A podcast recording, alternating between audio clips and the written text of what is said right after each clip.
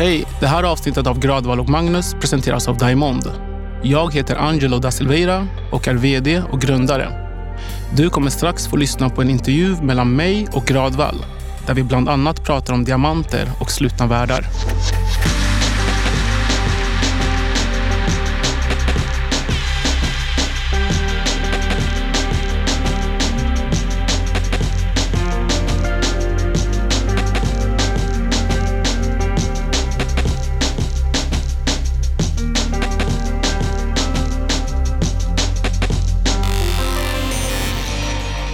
Du lyssnar på Gradvall och Magnus. Avsnitt 6. Vilsenhetens värde. Inferno är den första delen av den italienska författaren Dantes bok Den gudomliga komedin. Inferno är för övrigt italienska för helvetet. Den börjar på natten mellan skärtorsdag och långfredag. Och berättaren då, som är Dante själv, han är 35 år gammal, vilket beskrivs som halvvägs genom livets resa. Och detta var hälften av vad som ansågs vara ett normalt liv enligt Bibeln. I Inferno så befinner sig poeten ensam i en mörk skog, bortom den rätta vägen och utom all räddning. Och i det här litterära mästerverket så illustrerar Dante just hur att hamna vilse och gå snett är själva katalysatorn för drama, intrig och upptäckande. Joseph Campbell, litteraturprofessorn som myntade hjältens resa och pekade på att nästan alla dramaturgiska skapelser följer ett mönster säger det att först är vi i den trygga världen och i det välfungerande livet och sen så är det någonting som görs. Att vi slungas ut åt ett annat håll. George Lucas dyrkar ju Joseph Campbell, vilket man märker i hela Star Wars-imperiet. Exakt, man går lite snett och vilse, hamnar på Dagoba systemet som är en träskplanet. Där träffar man Yoda som börjar komplicera saker kring den här kraften som jediriddarna har. Eller för att ta ett lite mera smalt exempel men som väldigt tydligt illustrerar det i David Lynchs film Blue Velvet. Kyle McLaughlin spelar en ganska oskuldsfull high school-student som plötsligt på väg till skolan tar, liksom, hamnar lite snett bara på en stig och hittar ett avhugget öra. Vilket leder in honom på en helt annan väg om en ganska dunkel maffialikande sekt i den här väldigt ordnade småstaden. Så det här avsnittet ska handla om att vara vilse, att hamna vilse och vilka värden det finns i det. Men vi kanske ska börja med att säga att vi är väldigt sällan vilse på 2020-talet. För det går ju att hitta oss överallt. Jag menar, ens partner eller vänner, vad som helst. Det, det, är nästan omöjligt att gå vilse för folk kan hitta en, till och med hemska tanke, om man är död kan folk hitta en genom sin mobilsignal. Jag läste Ia Genbergs Detaljerna som jag tycker är den bästa svenska roman jag har läst på väldigt, väldigt länge. Det finns en passage i den när hon beskriver det här. För den utspelar sig till stor del på 90-talet, ett decennium där man faktiskt fortfarande bokstavligen kunde gå vilse. Och hon skriver så här. Det fanns en tid då folk som försvunnit var svåra att hitta. Det är inte alls länge sedan. Många som nu lever minns hur det var att tappa bort någon på riktigt. Att se fram emot nästa upplaga av telefonkatalogen, bära in den från farstun där de låg i travar, ATM och NTÖ plus gula sidorna. En inplastad packe på sex eller sju kilo i famnen. Och hur det var att sätta sig på golvet i hallen och dra med pekfingret nedför en sida på jakt efter ett namn som någon som förloras ur sikte bara för att se om personen kanske fanns med detta år. Så där var man mer vilse och man kunde associera fritt och främlingar och gamla vänner var lite mer som mysterier. Idag så har ju någon myntat begreppet blue dot consumer så att vi alla har blivit blå punkter. Och då ska man ju förklara, när man kollar på Google Maps så är man ju en blå punkt. Det är den man ser när man går på stan, eller så att säga. Det är det som är den blåa punkten. Så det första du gör när du är i en ny stad eller stadsdel är att du går in där, du ser att du är en blå punkt. Var går jag till restaurang? Var finns det en offentlig toalett? Var finns det en bokhandel eller liknande? Och det här vittnar ju också om en kultur idag där det finns genvägar till allt. Alltså, här är fem sätt att bota depression. Här är tolv sätt att få ett sexpack. Det är exakt det här du ska äta. Så det finns den här lite lata och bekväma, men också för oss människor enklare blue dot-kulturen, att vi liksom hittar genvägar.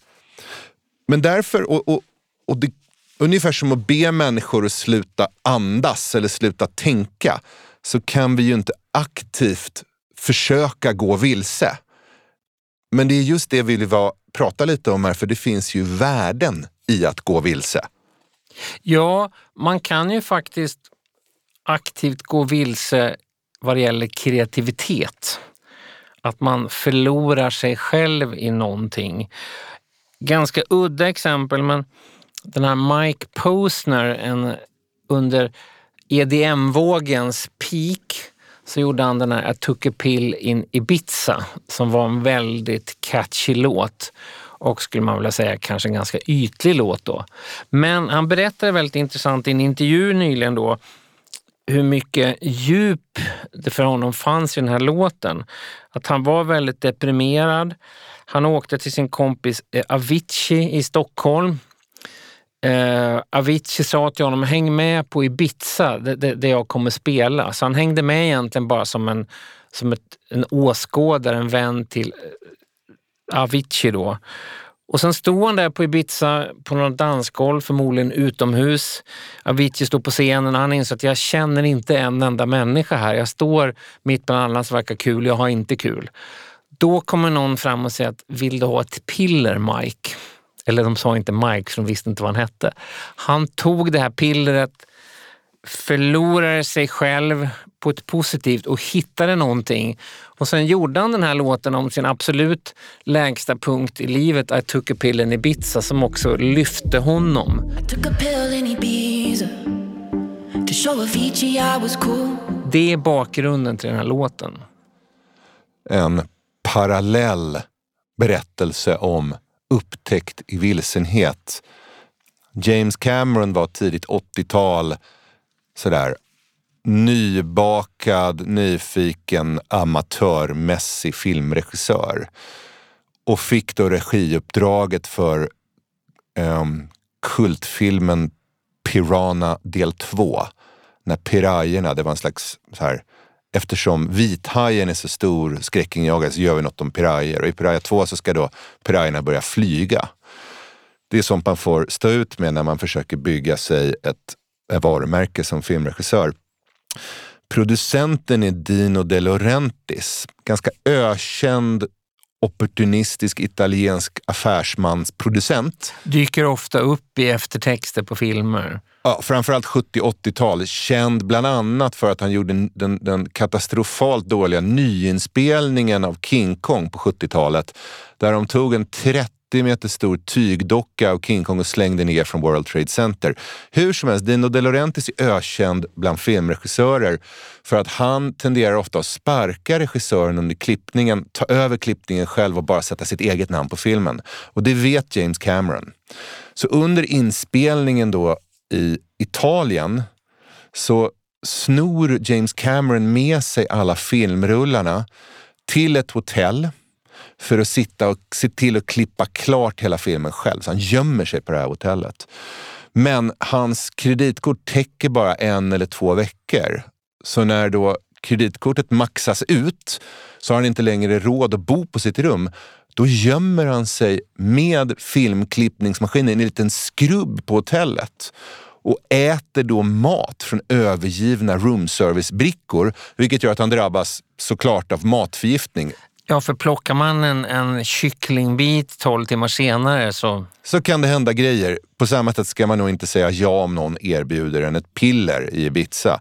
Hur som helst, han får då såna här feberdrömmar och kräks och diarré Och under en av de här feberdrömmarna så drömmer han plötsligt ur en liksom skelettliknande robot kommer emot honom genom så eldslågor.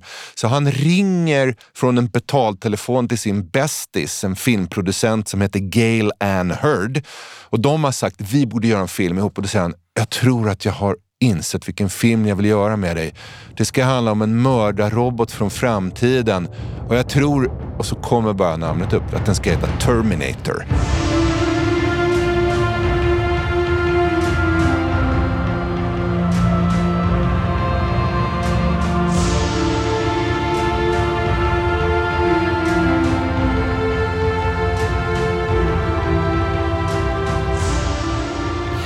Ofta är det nu för tiden att vi lever i absoluta motsatsen, att allt är inplanerat. Douglas Stewart jobbade som senior director för Banana Republic i New York. Han höll på med mode alltså. Och det var en, en business som omsatte 40 miljarder om året. Eh, han hade verkligen nått så långt man kunde komma inom modevärlden, kommersiellt mode. Det var egentligen allt var perfekt och utstakat. Men han kände att jag gillar inte det här, jag är olycklig. Så att i slutet av de här 12 timmars dagarna som det ofta innebar för han, så började han skriva. Han hade liksom kanske 30 minuter på sig när han orkade skriva. Han höll på med det i hemlighet länge, länge. Till slut så vågade han visa det för någon och så då fick han ett bokkontrakt och skriva en bok. Och han, den här boken var egentligen en reaktion mot att leva det här ordnade livet. Han ville liksom gå vilse i sitt skrivande och skrev då en bok om hur det var att växa upp i Glasgow på 80-talet. Fruktansvärt eh, hårt. Skottland var nästan ett uland då och han var dessutom gay. Så att han beskriver det här, den här boken som han då skrev på lediga timmar. Och den boken heter Shaggy Bane som är bland de bästa romanerna som har skrivits de senaste åren. Men han, han kände att nej, det här ordnade livet passar inte mig. Jag måste få gå vilse. I hans fall så var det att gå vilse i sina tankar. Vidden av att verkligen vara vilse och våga vara kvar där och inte tvivla på det. Att han åkte runt sen när boken var succé och sa att den blev refuserad 20 gånger. Ändå så fortsatte han skriva. Men då ringde hans agent upp och sa du jag måste vara ärlig mot dig, den blev refuserad 44 gånger. Men jag pallar inte säga det för då skulle jag aldrig skrivit klart boken. Och då kan man ju säga då en symbol att skapande eller innovation, det är ju egentligen en labyrint.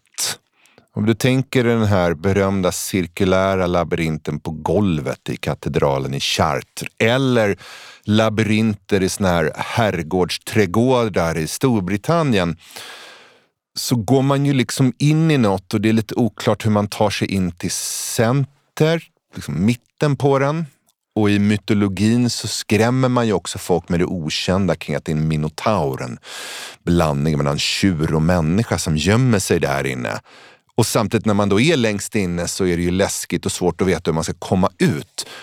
Det finns många illustreringar på det, men för att ta något som faktiskt handlar om en tjur så var det en gång en österrikisk tandkrämsförsäljare som kommer till Thailand och upptäcker Kratin Daeng. Kratin Daeng var ett slags elixirläsk som lanserades på 70-talet i Thailand. Framförallt för så här bönder och, och mm, hårt manuellt arbete som då inte hade tillgång till varmt vatten för att kunna göra te och kaffe, men ändå behövde pigga upp sig. Kratin Daeng betyder ungefär röd gaur. En gaur är en slags sydasiatisk oxe. Och symbolen var två röda oxar som stångades mot varandra. Så bländaxförsäljaren Dietrich Mateschitz känner wow, det här var spännande. Det här kanske skulle kunna funka i mitt hemland Österrike. Så lanserade då tio år efter thailändska lanseringen i Österrike och det är en totalflopp. Folk tycker det smakar kattpiss. Det är inte likt någon annan läsk på marknaden. Det som sen händer är som, som Man brukar säga att gatan hittar ju ofta sin egen användning för teknologi. Och det är att du och jag får höra rykten om att någon har minsann dött av att ha druckit Red Bull och vodka i österrikiska alperna och då känner vi jäklar, det där vill jag testa.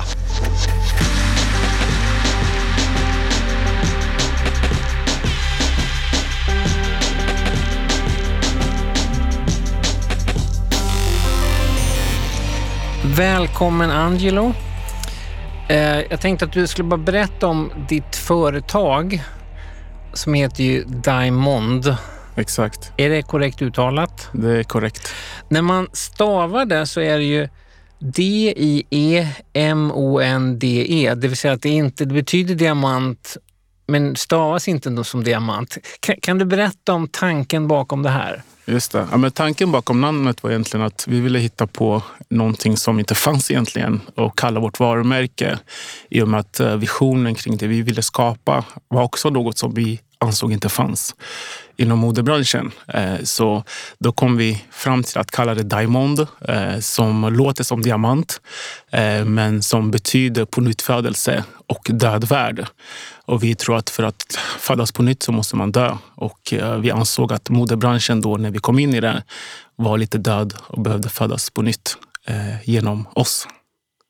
För det, är, det är en ganska kaxig grej. För, för du har varit med och skapat det här kollektivet som heter Disturbing Stockholm Fashion Show. K- kan du berätta om det? Precis. Disturbing Stockholm Fashion Show var egentligen eh, som du är inne på ett kollektiv och eh, eh event som vi skapade 2015-2016 eh, där vi då ansåg att eh, det inte fanns någon plattform för eh, modeskapare som kanske opererade utanför modeindustrin eller som inte kom från eh, de institutionella processerna eh, som leder oftast in till modebranschen. Så då bestämde vi oss för att skapa en egen plattform där vi kan bjuda in människor i Stockholm och utanför som vi tyckte och visste gjorde, gjorde riktigt, riktigt bra saker. Eh, bra kreatörer som inte fick utrymme att skapa och växa från. Och, eh, vi ville möjliggöra en plattform där de fick skapa. Så vi skapade den här plattformen som var som eh, ett alternativ till modeveckan då, där vi välkomnade folk i vårt nätverk och vår community till att tillsammans med oss skapa men också visa på att eh, det fanns en framtid för svensk mode eh, som var mer subkulturellt och växa utanför den stora scenen. Och genom det så, så ville vi uppmuntra till fortsatt skapande.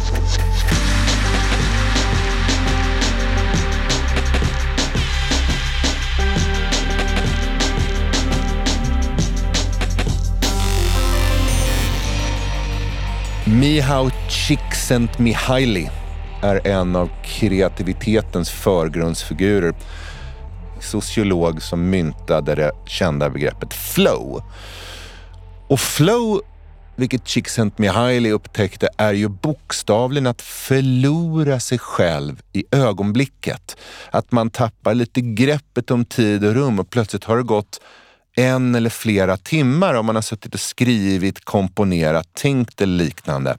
Så vikten, vikten av att förlora sig själv i skapande.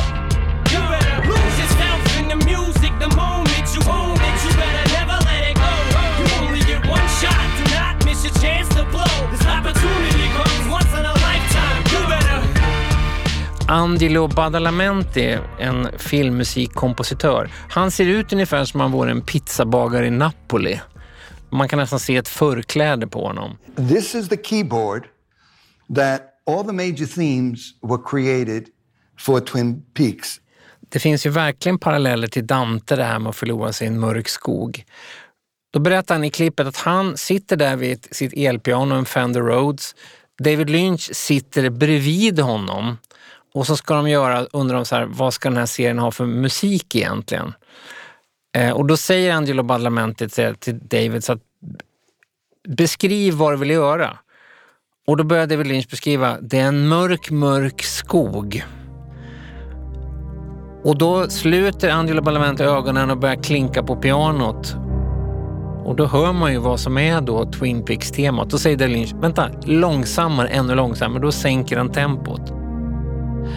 Och sen får David Lynch feeling så bara säga att det är en flicka i den här skogen. Hon är väldigt vilse, det kommer hända något hemskt med henne. Och då börjar han spela den här slingan. Men som de skapar precis det där i ögonblicket. Och sen när det är slut så säger Angelo Badalamenti att okej, okay, jag går hem och gör klart det här. Och David Lynch bara, nej, nej, nej, nej, nej. Du gör ingenting med det här. Det är perfekt som det är. Och det är musiken till Twin Peaks.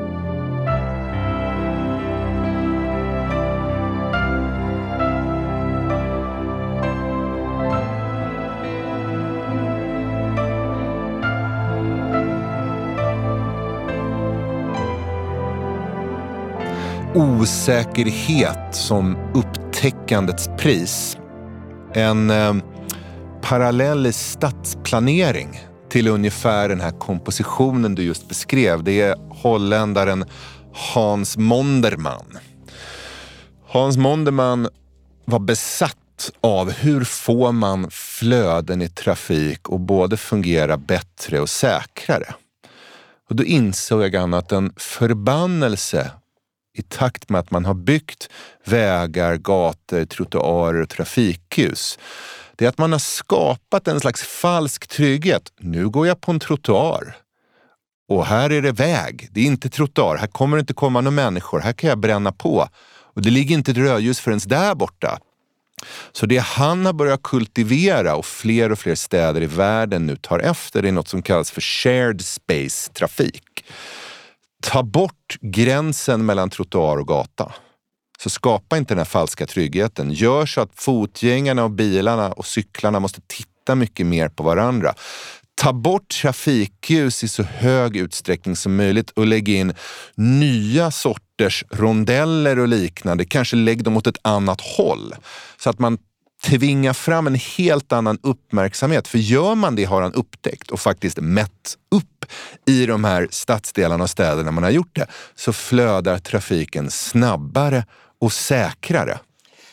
Jag är ju från rondellernas stad Linköping som har ett ganska konstig självbild ibland. Men så fort någon hävdar att någonting har hänt i trafiken, det händer nästan ingenting i trafiken i Linköping, så bygger man en rondell till. Så att trafiken är absolut friktionsfri. Det är liksom rondeller överallt. Det är förmodligen Europas rondelltätaste stad. Under punkåren där jag växte upp där så gjorde ju de lokala punkbanden som hade namn som Spy eller IQ55 så var det ett band som hade namnet VBT som var Wheelsbridge Town efter Hjulsbro, den förort där också jag bodde i. Fredrik Stragens generation bodde också i Hjulsbro. Men då var de inspirerade av The Jam som gjorde en, en låt om Londons trafik, hur intensiv och jobbig den var som hette London Traffic.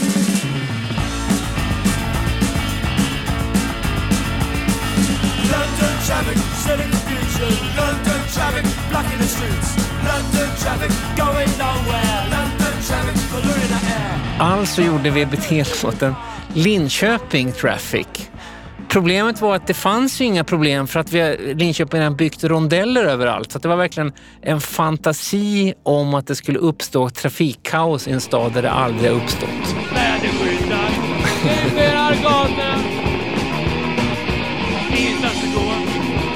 Gå jag tänkte som en stå förbi dig nu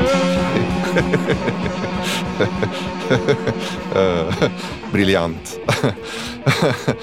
um, det finns ett undantag om det nu är så att vi inte är vilse så ofta. En plats där väldigt många hamnar snett och vilse är intellektuellt på 20-talet och då hörde jag nyligen ordet tvivelporr. The pornography of doubt.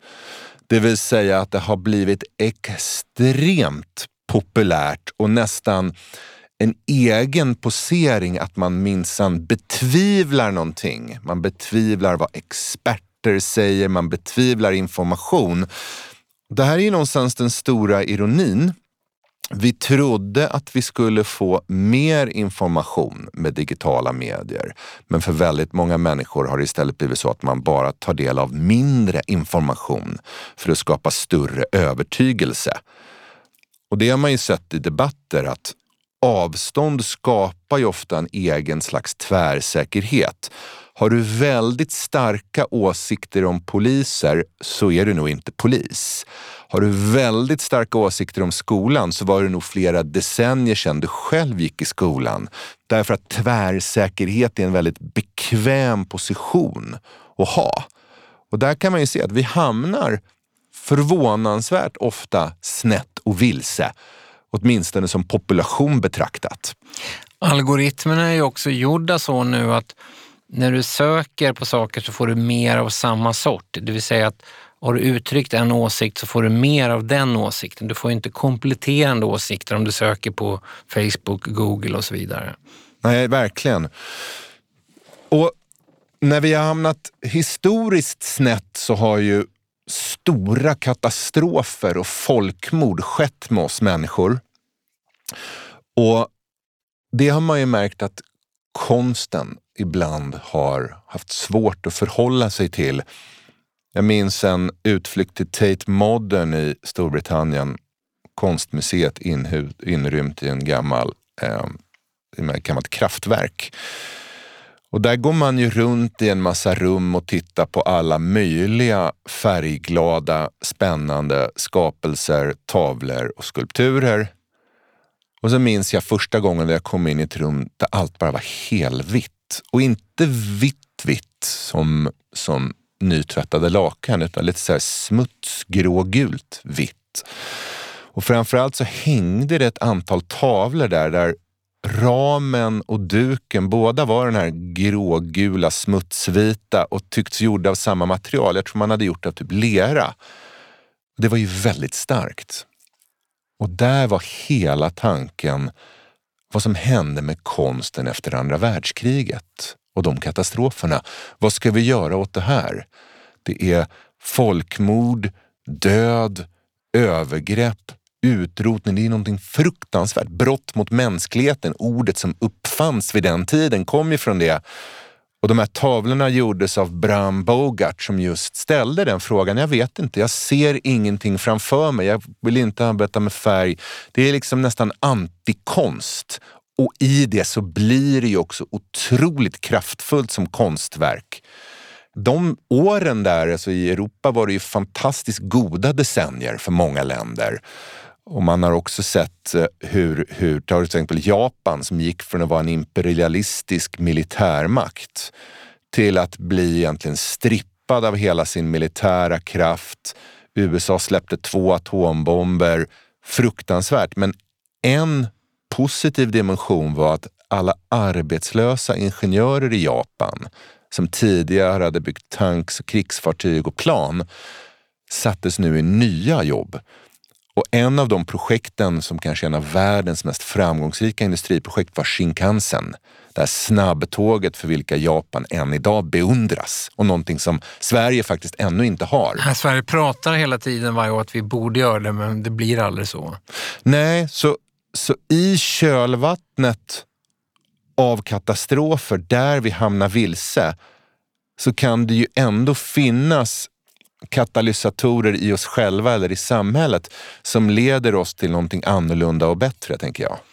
Ett exempel på vilsenhetens värde är faktiskt diskon. Alltså diskoteket.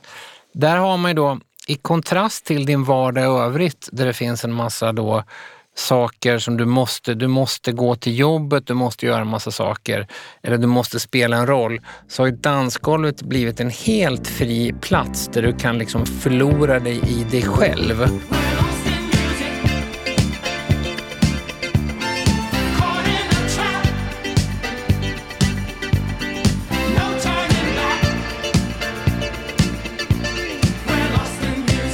Sister Sledge har gjort en ikonisk låt som heter Lost in Music.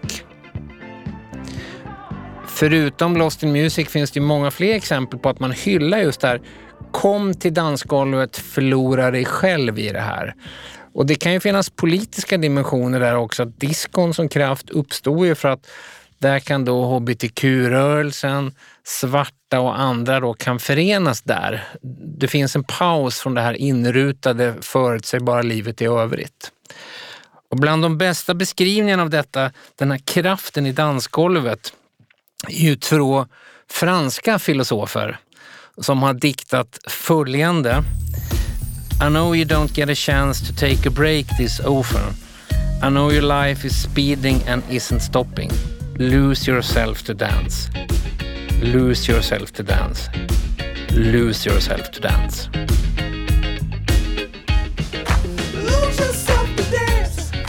Disco dök ju upp under 70-talskrisen som var en enormt mörk tid för alla länderna som hade haft så goda år efter andra världskriget.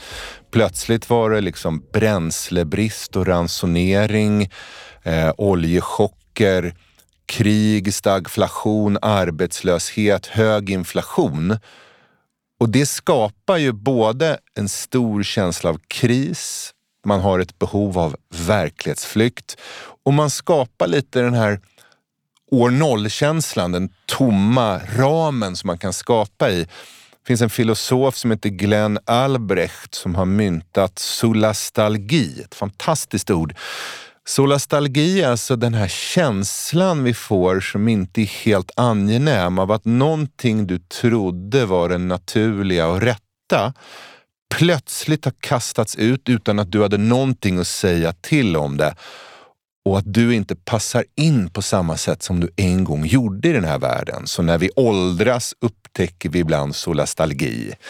När vi konfronteras med nya omvärldshändelser, ibland uppfinningar och ibland fruktansvärda katastrofer, så känner vi solastalgi. Och solastalgi är kanske då bokstavligen katalysatorn för att skapa disco, att skapa en theme song till um, Twin Peaks eh, eller en hit som I took a pill in Ibiza. Apropå det vi pratar om så kände jag att jag skulle haka på någonting nu på dig Magnus. Men så inser jag att jag har lite glömt vad jag skulle säga. Att faktiskt på riktigt blev för ett ögonblick lite vilse i avsnittet. Om man då försöker bara vara kvar här lite grann. Man får ju något panikartat över det. Så här, vad ska jag säga nu? Ungefär som man står på en scen. Men då känner man ju så att det, det kanske är någonting bra med det. Man blir eh, lite nervös. Man tvingas samla sina tankar och hitta en väg framåt som inte är den vägen som man hade tänkt sig. Ja, jag har kontakt med en kreativitetsexpert i Storbritannien som heter Steve Chapman. En av hans initiativ handlar om just det du och jag genomgår nu. Så tillvida att hans podd handlar om att två väldigt kända personer sitter tysta i ett rum i 45 sekunder och det är det som är podden. Men vad då avsnitten är bara så korta alltså? Två kända personer sitter i 45 sekunder under tystnad. Så återigen att det finns ju något panikartat här. Mm. Jag höll på att säga att bandet rullar, men det gör det ju inte i poddvärlden. Men man tänker, nu måste jag prestera. Och plötsligt Mm. så blir det ju någonting, en, en, en glänta, en tanke, en, en paus med den här solastalgiska känslan. Var är jag på väg? Vad hände? Vi kastades ut ifrån något. Och då landar jag också i ett verk som i likhet med Shuggy Bain som refuserades 40 gånger. Det här skrevs om dussintals gånger. Och det är en konstform. Det heter dikten av Elizabeth Bishop. Så kanske ackompanjerad av Angelo Badalamenti så skulle vi kunna läsa upp den. Okej, jag vill höra den. Förlorandets konst är ej svår som vissa kan tycka. Så många saker förefaller fyllda med just syftet. Att förlora så att förlusten knappast bringar olycka. Förlora något varje dag. Ta stressen och nicka fint åt förlorade nycklar eller timmen du slösat. Förlorandets konst är ej svår som vissa kan tycka.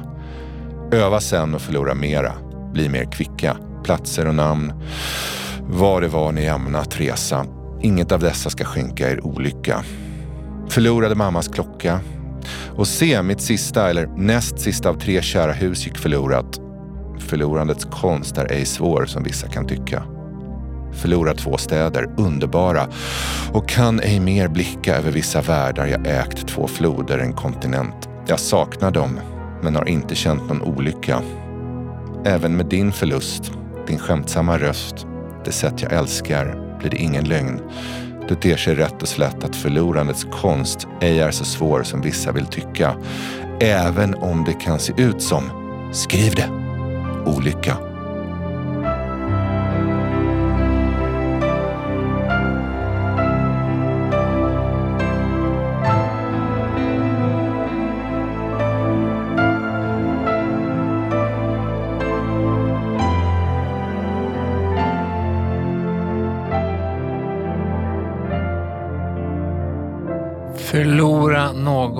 Varje dag.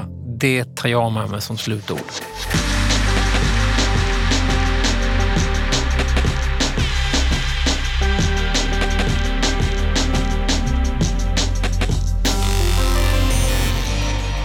Det är inte helt lätt att bli insläppt i olika världar. Det gäller egentligen alla branscher, men kommer man utifrån så kan man uppleva den som kanske en ganska sluten värld där alla känner alla. Har du upplevt det så?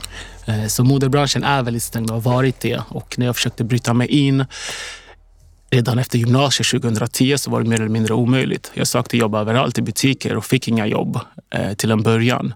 Och sökte till och med praktik och skrev till folk att jag kunde komma och jobba gratis. Många skämmiga mejl som man kan titta tillbaka till och skratta åt idag. Eh, Men eh, det var vad som krävdes för att få in en fot i branschen. Jag kände att jag redan då hade någonting att bidra med eh, och fylla ett tomrum som vi så ansåg fanns på svenska, i svenska modeindustrin. Och idag får vi göra det. Eh, Mycket tack för att vi höll fast vid den visionen och blev bättre med åren och eh, försökte växa organiskt från dag ett. Och de möjligheterna och de jobben, det vet jag själv också som då skrivande journalist, och sånt, de går ju ofta till någon som känner någon och någon som känner någon känner någon för att de har gått i samma skola eller i samma område. Så du måste ju också upplevt att du fick ofta inte ens något svar gissar jag. Jag fick inga svar nästan. Eh, jag fick svar från typ alltså Jack and Jones och H&M och så vidare som sa att det tyvärr inte fanns någon plats. Men till slut så hade jag en, en vän som jobbade eh, i jeansbutik som gav mig en möjlighet. Eh, och det var ett sätt för mig också att få insyn i branschen och förstå eh, vissa strukturer som jag känner att jag inte förstod eller kunde, men som var ett viktigt verktyg för mig i att skapa mitt egna varumärke. Och eh, därtill så sökte jag en del utbildningar. Jag flyttade till Göteborg och bodde där i två år, eh, 2012 till 2014 innan jag flyttade till Stockholm. Bara för att söka in till Borås modeskola, eh, men kom inte in där heller. Och flyttade tillbaka hem till Örebro. Eh, och eh, i den processen så ägnade jag väldigt mycket tid till självstudier. Eh, För... Det är intressant. Vad var det för självstudier? Jag försökte lära mig allt jag kom över eh, kring modebranschen och eh, svenska modevarumärken och det svenska modeundret för att förstå vad det var för någonting och vilka varumärken som innefattade eh, svenska modeundret och vad de hade gjort bra, vad de hade missat. Och eh, i det så såg jag också att det fanns ett tomrum att fylla. Eh, och jag har alltid sett mode som samhällsberättare eller kulturbärare. Och eh, under många år nu så känner jag att svensk mode och modebranschen i stort också globalt har tappat den rollen lite grann i samhället. Och det är någonting som jag vill ta tillbaka med Diamond. Och eh, det är den visionen vi har haft sedan dag ett. Att vi ser att Sverige har många fina, starka modevarumärken som har gjort otroligt bra ifrån sig. Men eh, det är många av dem som eh, opererar ur ett eh, kanske traditionellt svenskt perspektiv. Och för mig är det svenska samhället idag väldigt mycket rikare än vad det var på 90-80-talet, även fast de kulturerna fanns här redan då. Utan jag vill eh, värna om eh, svensk tradition, men också berika det med ett interkulturellt perspektiv. Och eh, mitt perspektiv på Sverige. För det är väl 20 procent drygt av de som bor i Sverige har sina rötter någon annanstans. Och då ska ju det speglas såklart. Exakt så. Eh, Och om tittar man utanför Sverige på andra länder så ser man också eh, hur många modeskapare och kreatörer som har fått ta plats för att också att man vill se någonting nytt, man vill visa någonting nytt som överensstämmer med hur samhället ser ut idag och inte hur det såg ut då. Eh, Och det var lite det vi såg också i samband med att om man ska använda de termerna, hiphopkulturen fick ta mer plats inom mode och konst och kreativ näring överlag så såg vi också att okay, men Sverige brukar oftast vara 5-10 år efter eh, förändringar. Det här kommer ske här också. Och eh, kan vi redan idag börja skissa på någonting eh, som vi tror kommer ske över tid så kanske vi också har någonting viktigt att erbjuda. Eh, inte bara en produkt utan någonting som människor som kommer från vår bakgrund vill associera sig till. Och för oss så handlar det inte bara om att skapa någonting för people of color eller eh, någonting som är kopplat till kön eller religion utan det handlar om att skapa någonting som fler kan känna tillhörighet till. Och det är så jag ser Sverige och det är som är styrkan i Sverige också, att man kan möta flera kulturer i samma samhälle. Eh, och det finns något väldigt intressant i det. Eh, och vi brukar säga att det som inspirerar oss när vi skapar och när vi försöker sätta fingret på vad Diamond är, det är det vackra som föds ur kontrasten mellan olika världar. För det finns något vackert där att använda som inspiration när man skapar, som fler kan känna tillhörighet till. Det, det kanske drar för stora växlar, men just diamant är ju någonting som har skapats under väldigt, väldigt lång tid under väldigt hård press. Finns det också den dimensionen i själva namnet? Verkligen, eh, det gör det. Och eh, diamanter kommer ju från dött kol som pressas under jord väldigt länge. Och eh, när det föds på nytt så blir det diamant, någonting som skiner, som är väldigt värdefull. Och det är också en koppling till namnet. Diamond, liksom, betraktar du, är det, har någon subkulturell eller koppling? Eller hur, skulle, hur, hur kan man beskriva det för någon som, som inte har sett vad ni gör? Vad är det ni gör? Jag skulle väl säga att för mig, som sagt, Diamond är mer ett modevarumärke. Det är också en plattform eh, som möjliggör för kreatörer att få komma och tillsammans med oss skapa och växa och tillföra någonting till oss och vi kan tillföra någonting till dem. Men eh, det kreativa uttrycket handlar väl egentligen om att eh, skapa någonting som en ny generation kan associera sig till varken om det är en kampanj och bilder eller om det är produkten och kläderna. Och om man tittar på produkter och kläder så är det egentligen en blandning mellan skandinavisk minimalism, tidlös mode och streetkultur. Och återigen tillbaka till kontrasterna mellan det skapar någonting väldigt fint tycker jag. Eh, och det är väl det som är kärnan och grunden i allt vi skapar egentligen. Att försöka mixa och blanda olika element, världar, perspektiv och kulturer och i det så föds någonting nytt. Och det kan vara en kampanj som ger en mer en bredare bild av det svenska samhället. Eh, det kan vara kläder och hur man stylar kläderna och hur de tillsammans ger en ny bild av vad streetmode är eller vad skandinavisk mode är. Om man bara, det här är en väldigt lång långt svar misstänker men din Aha. egen historia, var du kommer ifrån och hur du har hamnat här. Kan, kan, du, kan du berätta om den bara? Ja, självklart. Uh, jag, jag, föddes i Togo, Västafrika uh, och min farfar är uh, från Brasilien. Min pappa föddes i Togo också, som jag. Så jag har rötter från Brasilien men föddes i Togo och min mamma är också från Togo. Och, vi flydde från Togo 97 till Sverige. Och innan det så bodde vi på eh, ett flyktingsläger i Benin, grannlandet, i fyra år. Jag tror jag var jag var tre år. Och sen därifrån så fick vi asyl och fick flytta till Sverige till slut. Eh, och det var för att det var inbördeskrig och mina föräldrar var politiskt aktiva och eh, eh hade eh, ett parti som stod upp för allas rätt till arbete och försörjning, vilket inte alltid var uppskattat. Och i många västafrikanska länder så finns det andra makter som är med och styr, eh, vilket gör att eh, sådana typer av eh, åsikter tystas ner.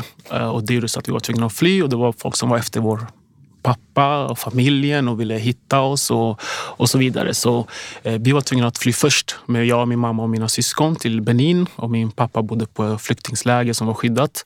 Och sen så eh, kom man till flyktingsläger tillsammans med oss då, och då hade vi fått asyl i Sverige och fick flytta hit. Och vi hade väldigt tur om man ser till många flyktingar som kom hit idag att allting var ordnat när vi kom hit. I och med att vi var politiska flyktingar så eh, hade vi boende i Ladugårdsängen i, i Örebro dit jag flyttade 97 då. Och där fick jag komma in i ett samhälle och en community där man kunde träffa en granne som var etnisk svensk och eh, någon som var från Somalien, någon som var från Bosnien och Kosovo och någon annan som var från Finland. Och det var så jag växte upp och jag fick en del av alla de kulturerna som byggde upp mig också. Samtidigt som när jag väl i Sverige så spelade jag mycket fotboll i barndomen som också varit en enorm lärare för mig. Som jag kan använda nu när jag driver företag och skapar också. Du var ganska bra i fotboll har jag förstått. Ja, Jag var, jag var ganska bra om jag det själv. Jag spelade ganska högt upp eh, och spelade pojkallsvenskan. eh, Var med i U21-allsvenskan med Örebro ÖSK också. Och sen så trappade jag ner lite grann, spelade division 4 i samband med att jag fick andra intressen. eh, Som mode till exempel och, och mer kreativitet kom in i bilden. Eh, Man kan vara kreativ som fotbollsspelare också, men man kan använda kreativiteten till att skapa någonting eh, som andra människor kan få ta del av. Och det var väl det jag ville göra eh, vidare efter att jag hade samlat på mig en del erfarenhet. Då, både från min flytt från Togo Västafrika till Sverige eh, som en stor och enorm kontrast till att man fick umgås med så mycket olika människor och lära sig från olika familjer bara från samma trapphus. Och vi var som sagt, hade väldigt tur att hamna i ett område som ändå inte var socioekonomiskt utsatt. Utan vi, vi hade det väldigt bra ställt från dag ett skulle jag säga. Och fick en hel del hjälp. Och det är man ju för, aldrig, all, för, för alltid tacksam för. Och jag tror inte att folk som kommer till Sverige idag eh, med samma utmaningar har, har samma tur att komma in i samhället. Och det är något som har byggt mig och något som jag har kunnat använda nu för att ge tillbaka till samhället. Och som du sa också, komma till ett område där man kommer från många olika kulturer, många olika språk. Medan det kan vara svårare, det kan vara lättare på ett sätt att hamna i ett område där alla kommer från samma ställe och kan samma språk. Precis. Men du var ju verkligen tvungen att bokstavligen liksom anpassa dig direkt. Verkligen. Eh, det var vi. Och sen var det mycket eh, hemifrån också såklart. Våra föräldrar som ville att vi skulle eh, vara representativa. Om man kan säga det så. Vad, vad, vad menar de med det vill säga representativa och liksom sköta sig? Eller vad menar de med det? Sköta sig men också använda sig av den här möjligheten vi fick att göra någonting bra av det. För att ge oss själva en bättre framtid. Men också för att visa på Eh, någon form av tacksamhet. Eh, som mina föräldrar fortfarande tjatar om. Så här, men vi har fått möjlighet att komma till Sverige, eh, visa tacksamhet och använda möjligheten för att skapa någonting bra. Och, och de, de menar inte att visa tacksamhet i form av att man ska eh, knäböja för folk och, och så, utan använda möjligheten snarare för att visa på att den här möjligheten som jag har fått för att komma till ett land där det finns enorma möjligheter eh, ska vi använda till att skapa möjligheter till fler. Eh, inte bara för oss själva utan för våra barn förhoppningsvis. För våra släkt och kusiner som fortfarande lever kvar i Togo. Eh, och även för kommande generationer. Och det är någonting som jag alltid har burit med mig eh, hela vägen. Och mina föräldrar försökte själva bygga företag. Och eh, vi skulle göra det 99 redan via något program via SFI. Och ehm, jag tror att det var Almi till och med på den tiden. Men det var en del byråkrati som satte käppar i hjulet. Eh, de ville importera färgpapper och kvalitativt papper till Västafrika. Eh, det fanns inte så mycket av det då. Och vi fick hot från nynazister som tyckte att det var idiotiskt att de skulle starta företag. Men det var exportbolag, så det skulle bara gynna landet. Vilket visar på hur dumma rasister är.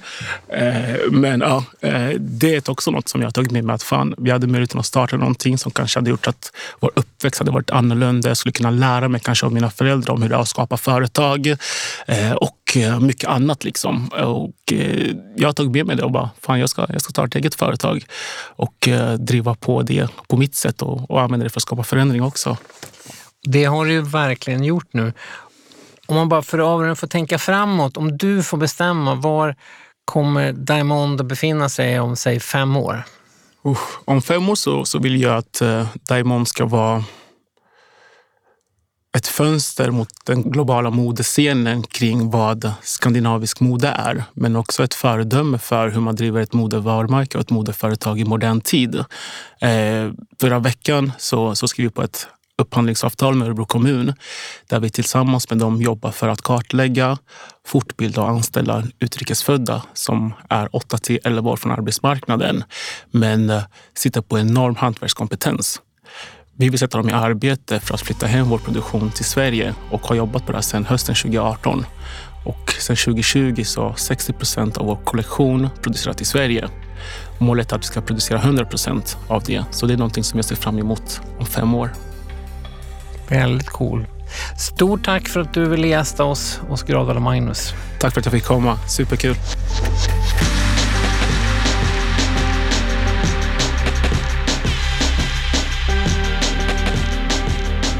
Du har lyssnat på Gradvall och Magnus.